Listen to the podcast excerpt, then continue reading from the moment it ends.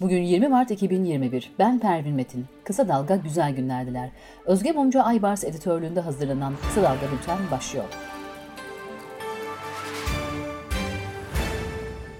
Anayasa Mahkemesi'nde HDP'nin kapatma davası için süreç başladı, raportör görevlendirildi. İnsan Hakları Derneği Eş Genel Başkanı Öztürk Türkdoğan ile HDP Ankara Kadın Meclisi Sözcüsü Zeyno Bayramoğlu, Parti Meclisi üyesi Ali Özkan, HDP Eskişehir İl Eş Başkanı Şükriye Ercan, Hüseyin Gevher ve Betül Koca gözaltına alındı.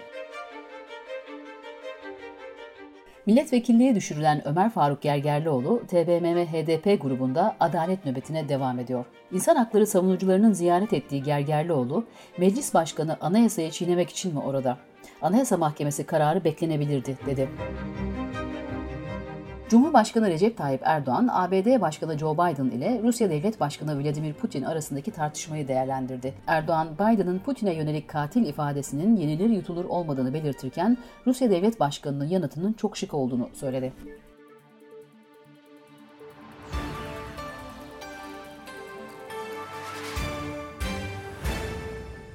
İstanbul Büyükşehir Belediye Başkanı Ekrem İmamoğlu, HDP eş genel başkanı Pervin Buldan'ı arayarak dayanışma mesajı iletti ve Nevroz'unu kutladı.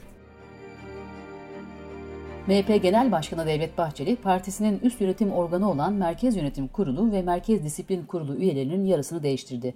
MYK'daki kadın sayısı 10'dan 5'e düşürüldü. AKP sözcüsü Ömer Çelik, CHP Grup Başkan Vekili Özgür Özel'in Cumhurbaşkanı Recep Tayyip Erdoğan ve MHP lideri Devlet Bahçeli'ye yönelik diktatör bozuntusu ve küçük ortağı ifadelerine tepki gösterirken açık söylüyorum bize söyledikleriniz bizde yok. Aynaya bakıp gördüğünüz şeyleri dile getiriyorsunuz dedi. Yüksek Öğretim Kurulu özellikle yurt dışında öğrenim gören Türkiye Cumhuriyeti vatandaşı öğrencilerinin mağdur olmaması için yatay geçiş işlemlerinde bazı kolaylıklar sağlandığını, bu kararların bir takım kişi ve çevrelerce suistimal edildiğini belirterek bazı üniversiteler hakkında işlem başlatıldığını duyurdu.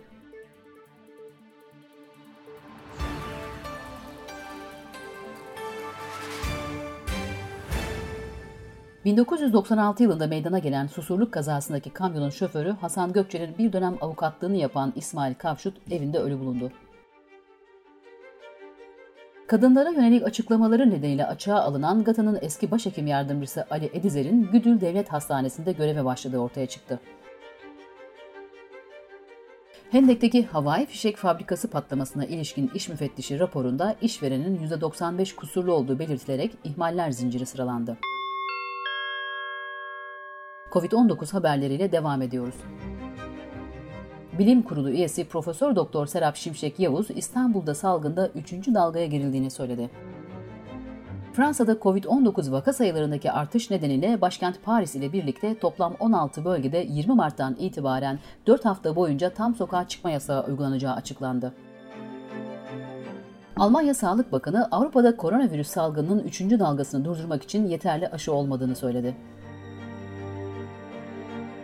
Avrupa İlaç Ajansı pıhtılaşmaya yol açtığı öne sürülen AstraZeneca aşısının güvenli ve etkili olduğunu açıkladı. Fransa, İtalya, Almanya, Hollanda, İspanya, Güney Kıbrıs Rum Yönetimi, Bulgaristan, Letonya ve Litvanya AstraZeneca aşısını yeniden kullanmaya devam edeceğini açıkladı.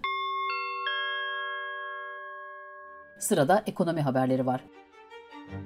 Uluslararası Kredi Derecelendirme Kuruluşu Moody's, Türkiye raporunda 2021'de sorunlu kredi rasyonunun artmasını beklediklerini ancak bunun yönetilebilir olacağını belirtti.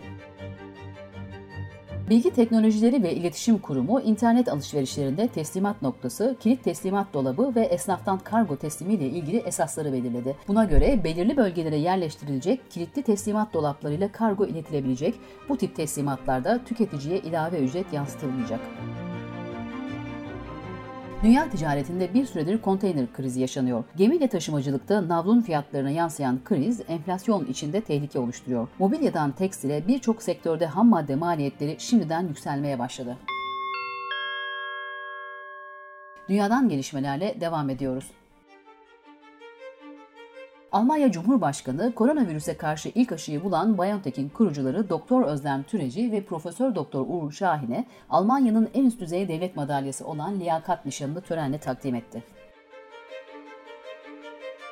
ABD Dışişleri Bakanı Antony Blinken ve Ulusal Güvenlik Danışmanı Jake Sullivan Çinli yetkililerle Alaska'da görüştü. Çinli yetkililer ABD'yi diğer ülkeleri Çin'e saldırmaya kışkırtmakla suçlarken ABD'li heyet Çinlilerin gösteri yapmaya niyetlenerek görüşmelere geldiğini söyledi.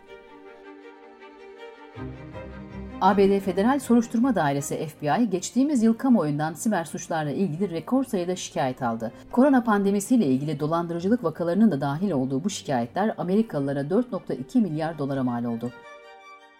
ABD'li aktör Armie Hammer 2017'de Los Angeles'ta bir kadına tecavüz etmekle suçlandı. Adı sadece Effie olarak açıklanan 24 yaşındaki kadın suçlamayı video konferans yöntemiyle düzenlenen bir basın toplantısında yaptı. Hammer ise suçlamaları reddetti.